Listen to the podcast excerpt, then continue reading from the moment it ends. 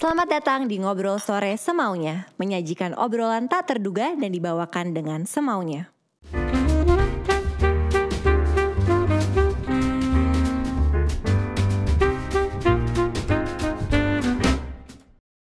Halo, selamat datang di Ngobrol Sore Semaunya Special Edition Kota Bandung bersama gue Putri Tanjung. Hari ini spesial banget karena bukan cuma bintang tamunya aja yang spesial, tapi kali ini Ngobrol Sore Semaunya hadir dengan suasana yang berbeda. Kali ini kita berada di hallway Bandung, salah satu creative space yang super seru di Bandung yang di dalamnya terdapat banyak local businesses yang pastinya karya anak muda kreatif Kota Bandung. Dan di hari ini gue kedatangan tamu yang super spesial um, sering bekerja sama dengan beliau, uh, mentor saya juga, Menteri Koperasi dan UKM Indonesia. Langsung aja kita sambut Bapak Teten Mas Duki. Wuh! Pak Teten, apa kabar? Baik. Kita um, ber- bulan lalu kayak dua bulan lalu baru kesini juga ya? Ya, dua bulan lalu. Dua bulan lalu sebelum bulan puasa ya? Ya, dua bulan. Pak, gimana 2021 so far? Ya, masih eh, situasi kan belum normal. Ya. Ya.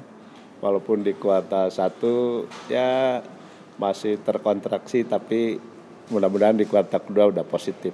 Oke. Jadi kalau udah positif kan ekonomi jauh lebih Baik. baik, lah. Gitu. Masih stres, Pak? Stres sih enggak, cuma harus di- banyak yang harus diurus saja. Ya maksudnya waktu masa-masa pandemi awal kan lumayan tuh kan Pak Karena semua kan lumayan bebannya di U- UMKM kan Waktu itu gimana tuh Pak waktu awal-awal pandemi hit Apa yang langsung Pak Teten lakukan? Ya memang bebannya di UMKM eh, karena 99 Hmm. persen, 9,96 persen itu kan UMKM. Iya Ya, sebenarnya solusinya juga ada di UMKM. Iya. Jadi UMKM yang terdampak, tapi solusinya juga Di di, UMKM pemulihan juga ke betul UMKM. Pemulihan ekonomi kita Ah, ah, dan untungnya saya kira di kabinet eh, semua aware dan karena itu program pemulihan ekonomi memang basisnya di UMKM. Ya Jadi penguatan untuk eh, masalah cash flow UMKM. Lalu yang kedua juga saya kira dalam bersamaan juga memperkuat daya beli masyarakatnya. betul Tanpa itu ya susah juga karena produk-produk UMKM yang mengkonsumsikan masyarakat juga. Betul Jadi kita in between lah dua program penguatan UMKM-nya eh, dari sisi cash flow, dari sisi eh, market demand-nya. Ya Ya tanpa itu ya sulit. Betul, karena karena pas ada pandemi ini semua demand sama needs-nya langsung shift ya Pak Langsung berubah kan, jadi UMKM-nya juga harus bisa adapt Nah, yang hebat dari waktu ke waktu kan UMKM ini kan eh, bisa beradaptasi Betul, dengan cepat. betul Itu yang paling penting kan Pak Kan mereka udah teruji juga. Iya. Dari krisis ke krisis kan mereka eh, paling teruji. Dan juga dari segi skill apa skala bisnisnya itu kan memang memungkinkan mereka untuk cepat shifting lah Iya. dengan situasi yang baru.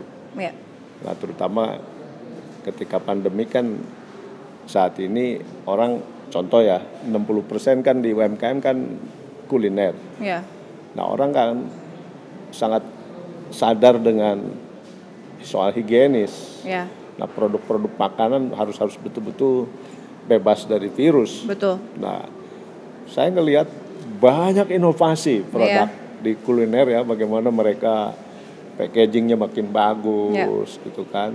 Eh, lalu juga cara produksinya juga Betul. eh, memperhatikan eh, protokol kesehatan, begitu. Tren makanan sehat juga semakin naik, ya kan Pak? Iya betul, itu. Jadi kan eh, ini kan apa mengubah, Betul. ya mengubah mindset UMKM termasuk juga masyarakat bahwa sebenarnya bisa loh membuat produk yang higienis, Oh, iya. ya kan, Eh, memproduksi makanan-makanan siap saji yang sebelumnya kan itu dikuasai eh, katakanlah eh, industri ya. Ya, Nah sekarang UMKM udah bisa bikin. betul. gitu. Justru karena ada pandemi ini jadi di-push ya Pak, jadi lebih inovatif juga loh UMKM-UMKM kita. Ya memang. Nah ini yang disampaikan oleh Sri Mulyani di dalam rapat kabinet. Indonesia dia bilang dianggap hebat Ya. karena setiap ada masalah besar, ada krisis besar, bangsa Indonesia itu cepat berubah, Betul. melakukan reformasi. Iya. Ya artinya kalau kepepet berubah. Betul. gitu. Nah, Sangat tapi- adaptif. Tapi perubahan yang dilakukan itu perubahan yang sangat Ya. besar, struktural. Nah, saat ini pun eh, di setengah krisis. Nah, bukan dari sisi kebijakan, ya. Hmm. Eh, misalnya dari sisi kebijakan kan pemerintah merubah tuh. Ya. Misalnya di Undang-Undang Cipta Kerja itu kan semua kemudahan bisnis kan yang dihadirkan. Ya, diberikan Yang se- ya, Pak. eh, yang sebelumnya eh, banyak persyaratan bisnis, prosedur bisnis yang sulit, sekarang kita permudah. Nah, itu dari sisi kebijakan, Ya. tapi kan dari sisi UMKM-nya juga inovasinya luar biasa. Luar biasa banget. Luar biasa. Nah Pak, tadi ngomongin soal inovasi food and beverage ya Pak. Kan kita sama-sama punya hobi yang sama, yaitu adalah suka ngopi. Ngopi. Iya kan? Suka banget sama kopi. Dan kopi Indonesia tuh adalah menurut kita adalah kopi terbaik lah ya Pak. Terbaik. Luar biasa lah ya. Nah Pak, ngomongin dong sedikit soal kopi karena pasti teman-teman nggak tahu kalau Pak Teter ini super expert Nggak juga. Enggak lah, enggak bisa itu super expert di bidang kopi. Pak Teten paling suka tuh kopi seperti apa sih? Dan kopi yang bagus tuh kayak gimana sih Pak ngeliatnya?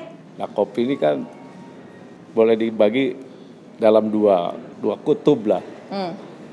yang tradisional itu kan kopi itu harus kopi pahit kan Ya. ya, karena untuk supaya kita tidak ngantuk gitu ya pahit banget gitu nah sementara di dunia terutama di Eropa di Jepang di, ya di Amerika di Eropa itu sedang lagi berkembang eh, kopi yang rasa buah Ya. Ah, Fruity atau- ya Pak. fruity. Nah, nah orang Indonesia kan nggak nggak terlalu suka Iya. pindah dari yang rasa kopi yang Pahit pahit, gitu ke fruity ke flavor. fruity itu rata-rata mereka nggak bisa. Nah, kita kan berdua bikin tuh di mana rasanya in between kan. Nah. Iya, betul. Ternyata enak kan? Enak banget. Iya. Jadi yang suka kopi hitam, eh, maksudnya kopi pahit suka, yang suka fruity juga bisa kan Pak? Juga Iya. suka. Pak kalau minum, Pak Teten minum kopi biasanya sehari berapa gelas? Saya batasi tiga Tiga. karena Ya, kalau sama. yang sehat itu seperti itu. Ya. Dan tapi kan sekarang aku kan ada asam lambung kan Pak. Tapi kan sekarang banyak banget kopi-kopi lain kan yang sebenarnya bisa. Enggak, sebenarnya kalau kopinya yang bagus eh, nggak ada problem dengan lambung, Oh, misalnya gitu. mual gitu. Oh iya, Oke. jadi aman lah Oke. Jadi quality of coffee ya Pak. nah, the quality-nya dan saya kira Indonesia planet kopi Iya, karena luar punya biasa. banyak jenis Benar. Iya. eh, kopi dari berbagai daerah yang itu nggak ada di daerah lain, negara lain. Pak, kita ngomongin lagi soal UMKM. Kan Pak Teten tuh menjabat sebagai Menteri Koperasi dan UKM Indonesia. Tapi ternyata waktu itu kuliahnya kan Pak Teten mengambil jurusan matematika dan ilmu kimia kan Pak. Berapa tahun Pak waktu itu?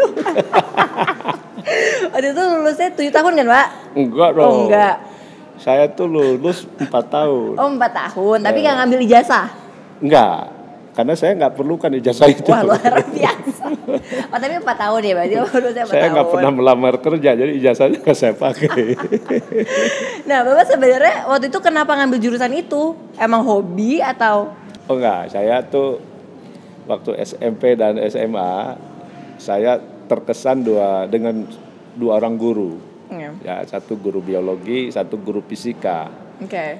dan cara mengajarnya tuh memukau Oh. mengubah mindset eh, kita anak-anak yang masih muda waktu itu mengenai alam semesta wah saya bilang saya ini hebat guru ini ya bisa membuka pikiran itu Nah, saya pengen jadi guru Oh gitu. Nah, kira-kira begitu. Nah, tapi ketika saya masuk di IKIP malah lebih banyak demonstrasi. Justru nggak ini ya pak, nggak lebih pakai lebih ilmunya ya. aktif, nggak belajari ilmunya. Iya. Gitu. Nah Pak Teten kan kalau dulu tadi kan Pak Teten juga bilang kan eh, nggak pernah menggunakan ijazahnya kan Nggak. untuk melamar kerjaan. Ceritain dong Pak bagaimana Bapak memulai karir hingga akhirnya sekarang bisa menjadi seorang menteri. Ya mungkin faktor kebetulan ya, karena nggak nggak ada nggak dicita-citakan. Iya. Tapi ya kan hidup kita ini kan ngikutin arus aja dari waktu ke waktu. Nah kebetulan kan saya dari sejak eh, kuliah sudah mulai eh, tertarik dengan masalah-masalah sosial. Iya. Nah, waktu itu memang belum boleh eh, apa bikin kegiatan-kegiatan politik praksis Oke. gitu. Karena ada larangan waktu itu. Ya. Jadi kita lebih banyak diskusi-diskusi masalah masa sosial, lalu kita mencari pisau analisisnya lah. Ya. makanya berkenalan lah dengan banyak teori. Ya. Nah, dan waktu itu memang di dunia sedang hit waktu itu teori tentang dependensia, ketergantungan. Oke. Ya itu waktu itu kan utara selatan itu kan sedang uh, jadi apa uh, bagian kajian ilmu sosial politik ekonomi. Ya. Karena kan utara sangat maju, selatan sangat miskin. Ya. Dan ba- kemudian muncullah banyak teori kenapa. Nah, saya tertarik dengan itu. Oke, menarik. Nah, jadi banyak bersentuhan dengan teman-teman. Saya punya banyak teman di Bandung, di Jakarta, di kota-kota besar di Indonesia. Bahkan sering bertemu secara fisik waktu itu. Sebelum saya selesai kuliah di IKIP, sebelum wisuda lah. Karena saya sebelum kan wisuda. kayak- saya udah ke Jakarta. Oke. Nah, makanya ijazahnya tuh Nggak diambil ya Pak? nggak diambil. Nggak diambil. 20 tahun kemudian baru saya ambil. 20 tahun kemudian, tadi sekarang udah ada dong berarti ijazah saya sama Bapak. Iya. Oh, udah, tapi saya nggak tahu di mana. Nah, Pak Teten kan Pak Teten dulunya kan adalah seorang aktivis dan aktif menyuarakan anti korupsi. Tapi sekarang Pak Teten melakukan perubahan sektor nih, itu adalah Pak Teten eh, mengurusin UKM. Gimana pendapat Pak Teten tentang shifting ini, perubahan ini? saya biasa apa eh, melakukan banyak lompatan ya, karena saya juga bosenan. Iya. Saya nggak mau hidup sekali hanya memahami satu soal gitu. Jadi Ya. kalau misalkan bosenan kan sekarang udah jadi menteri UKM. Berarti nanti berikutnya mau jadi apa lagi, Pak? saya menteri sekarang, berikutnya bukan menteri. Apa? ya jadi itu Pengusaha kopi aja Iya, ya. nggak tahu. Pokoknya biasakan kita nanti tiba-tiba oh saya tertarik ini atau saya ada temen yang ngajak ini atau kita ketemu komunitas ini. Betul. Ada surprises ada apa ya? surveinya. Tapi saya kira menarik nih mempelajari UMKM ini kan karena ini bagian daripada uh, kehidupan rakyat Indonesia yang paling besar. Dan saya kira uh, problemnya banyak tapi opportunity-nya juga Sangat luar biasa banyak. sangat luar biasa banyak dan saya kira kalau kita bisa membangun ekonomi Indonesia berbasis ekonomi rakyat ini kan dari aspek keadilan sosial Ya, ya kan setuju. juga keren gitu Ya. apalagi Indonesia kan dengan kepulauan Ya. itu kan sesuatu hal yang menarik juga membangun eh, rantai ekonomi rakyat di, di, di sebuah negara kepulauan begitu Ya. dengan penduduknya yang sangat beragam plural ini kan bisa se- jadi sesuatu banget ya Iya, sangat luar biasa. Heeh, untuk Indonesia gitu Betul. Apalagi sekarang anak-anak muda juga udah banyak kan Pak yang punya Ya. uh, bisnis-bisnis kecil, bisnis-bisnis lokal yang keren-keren banget. banyak dan dari beberapa survei memang anak-anak muda sekarang bu- nggak mau lagi jadi pegawai Iya, mau jadi Ah, pengusaha. jadi entrepreneur dan ini saya kira modal besar. Iya. Apalagi kita kan masih sedikit ya. Betul. ah, wirausahawan kita itu yang betul-betul yang sudah punya kapasitas bisnis yang eh, cukup besar, produknya sudah punya daya saing itu kan baru 3,47 persen. Iya. Nah sementara kalau kita mau menjadi negara maju dan roadmap kita kan kita masuk menjadi negara maju kan 2045. Iya. 2036 kita harus keluar dari uh, middle income trap. Trap, ya. Nah dan ini pas anak mudanya orientasinya bisnis. Betul. Nah tinggal kita benih ini kan tinggal dipelihara, dipupuk, Betul. dibesarkan Harus dan di-elevate. Ya. itu peran pemerintah membangun membangun ekosistemnya. Iya, karena kita butuh lebih banyak lagi pemimpin muda ya, Pak. Iya. Ngomongin soal pemimpin Pak, sebagai seorang menteri Pak Teten itu tipe pemimpin atau leader yang seperti apa sih? Perfeksionis, tegas, santai. Saya sih santai aja. Tapi saya Kan tegas juga. Tapi saya targeted. Oh iya, betul. Eh, tapi kan nggak usah gerasa-gerusu. Saya nikmati aja, saya pahami problemnya, saya cari solusinya. Betul. Karena udah beberapa kerja bareng sama Pak Teten juga iya sih Pak Teten sangat open minded, sangat Hmm. santai tapi jelas ya Pak. Oke, tujuannya harus ini, KPI-nya ini gitu. Oke. Nah, Pak Teten, kan tadi kita udah ngomong bahwa sekarang semua itu berubah cepat banget. Tadi kita juga udah ngomong bahwa demand and needs juga shift, pasarnya berubah, UMKM kan juga harus adaptif.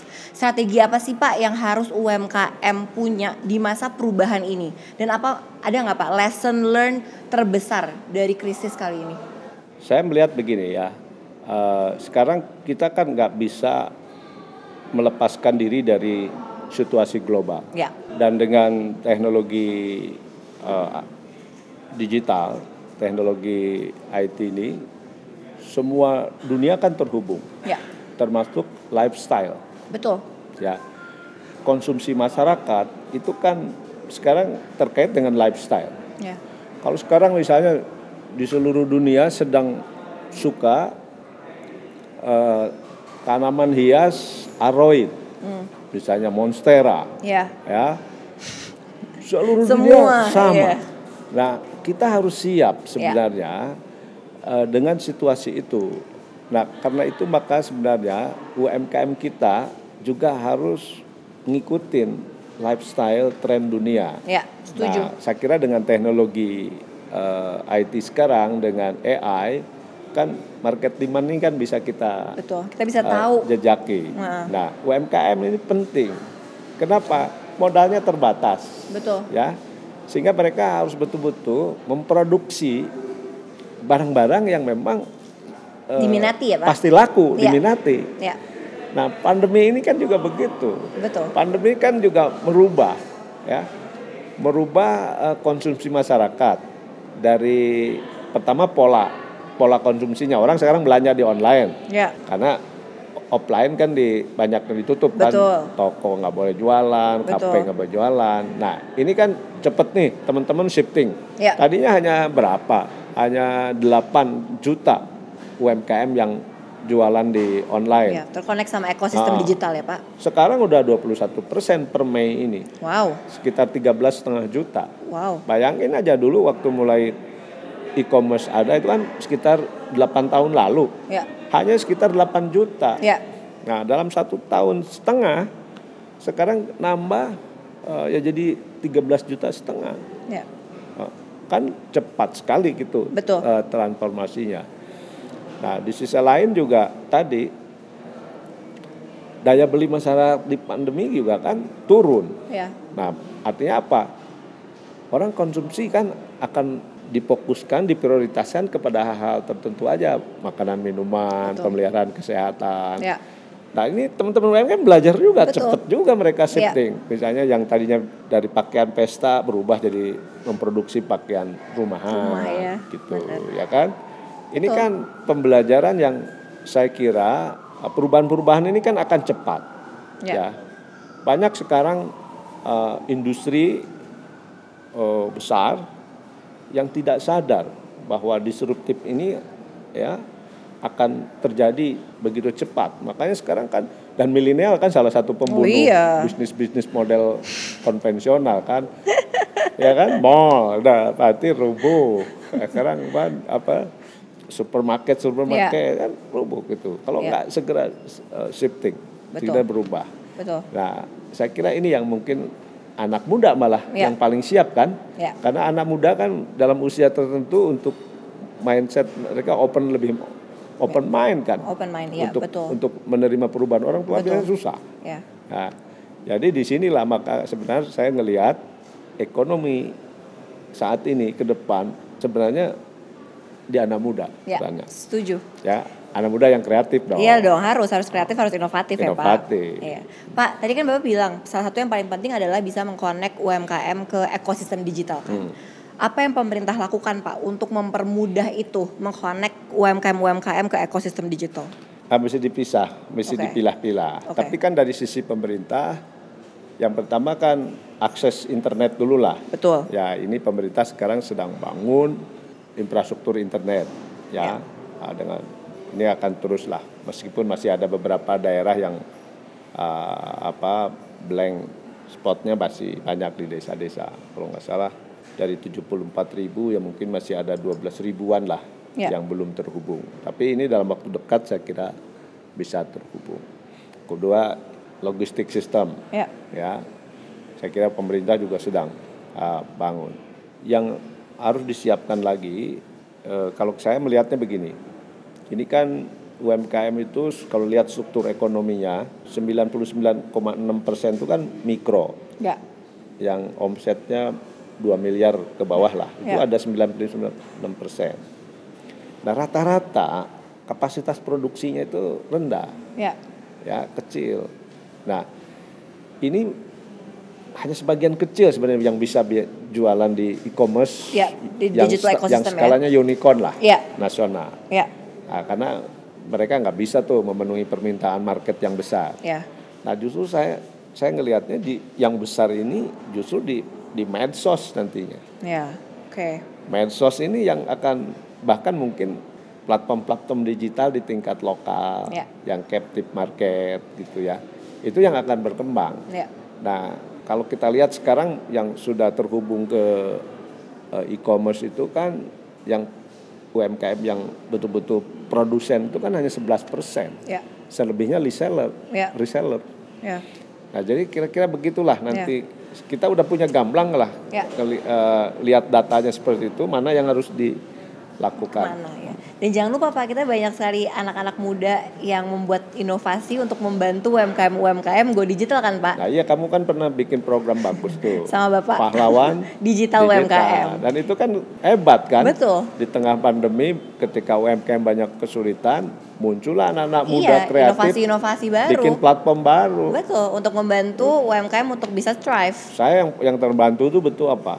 Tukang warteg. Kan Iya. ramai sekali itu ribut gaduh. Waduh, war berapa nih puluh ribu warteg Iya. mati. Ya. Nah begitu terhubung dengan platform digital yang membantu warung-warung nasi, Iya. Ya. warteg, Wahyu. ya. selesai wahyu, Ya. Wahyu. selesai. Ya.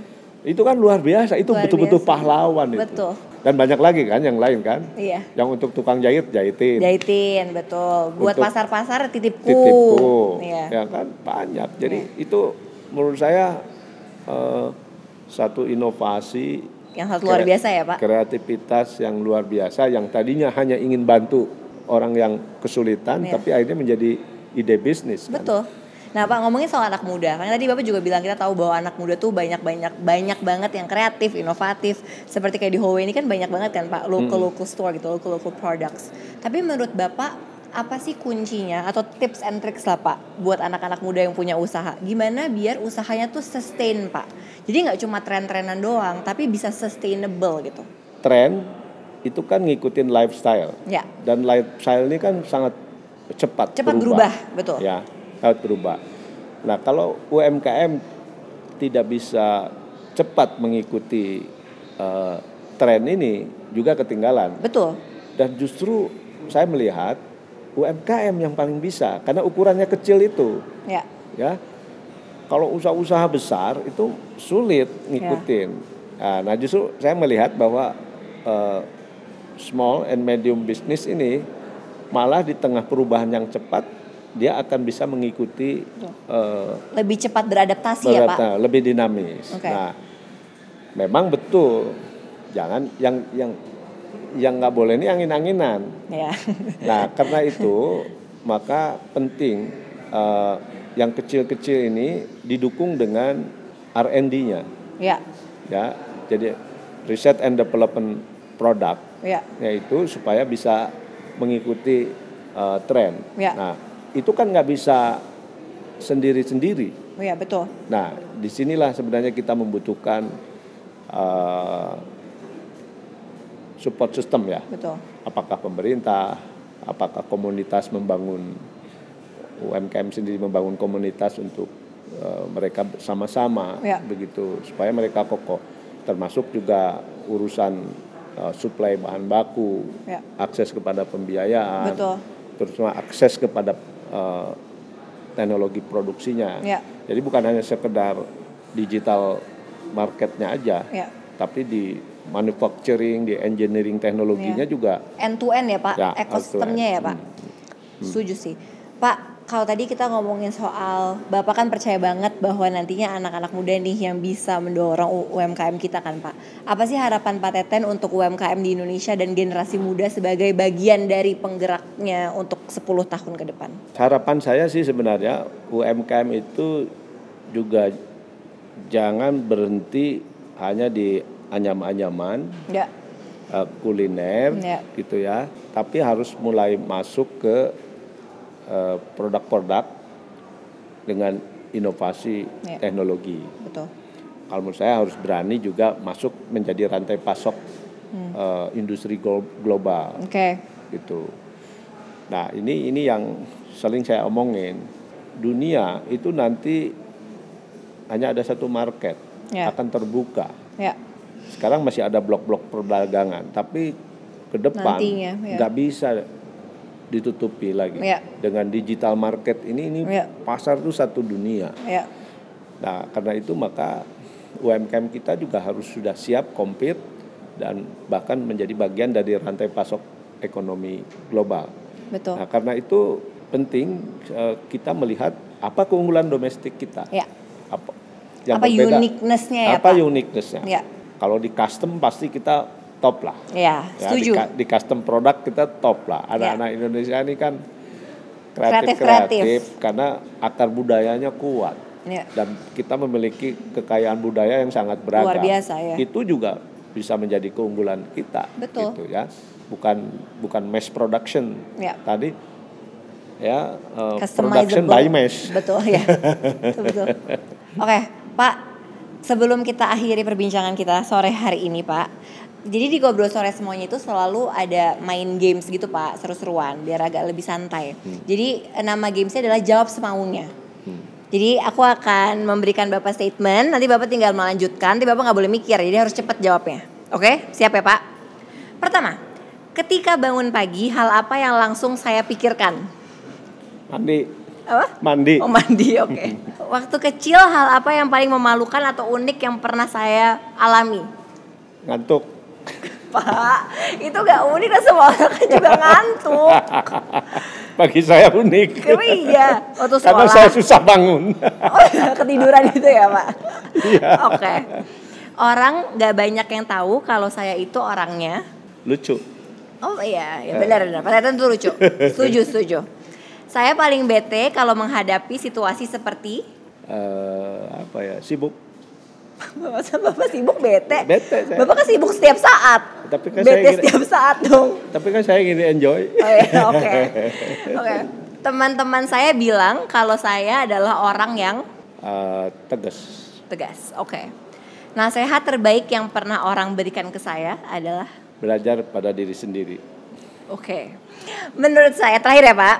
Menurut saya kebahagiaan adalah Kebahagiaan adalah ya menikmati hidup aja lah. menikmati hidup. Oke, jadi kebahagiaan adalah menikmati hidup ya Pak.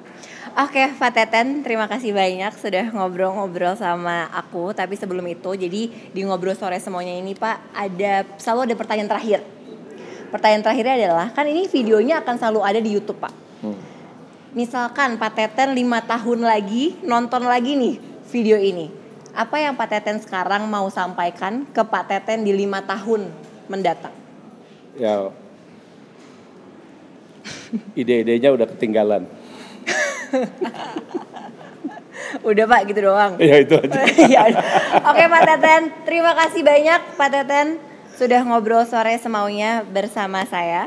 Kita habis Thank ini you. langsung mau pergi lagi ya Pak, ketemu sama pelaku-pelaku industri Ya. kreatif di uh, Bandung. Terima kasih untuk teman-teman yang sudah nonton ngobrol sore semaunya. Jangan lupa untuk terus nonton ngobrol sore semaunya setiap hari Kamis jam 6 sore hanya di CXO Media dan jangan lupa untuk dengerin full versionnya di Spotify. Dadah.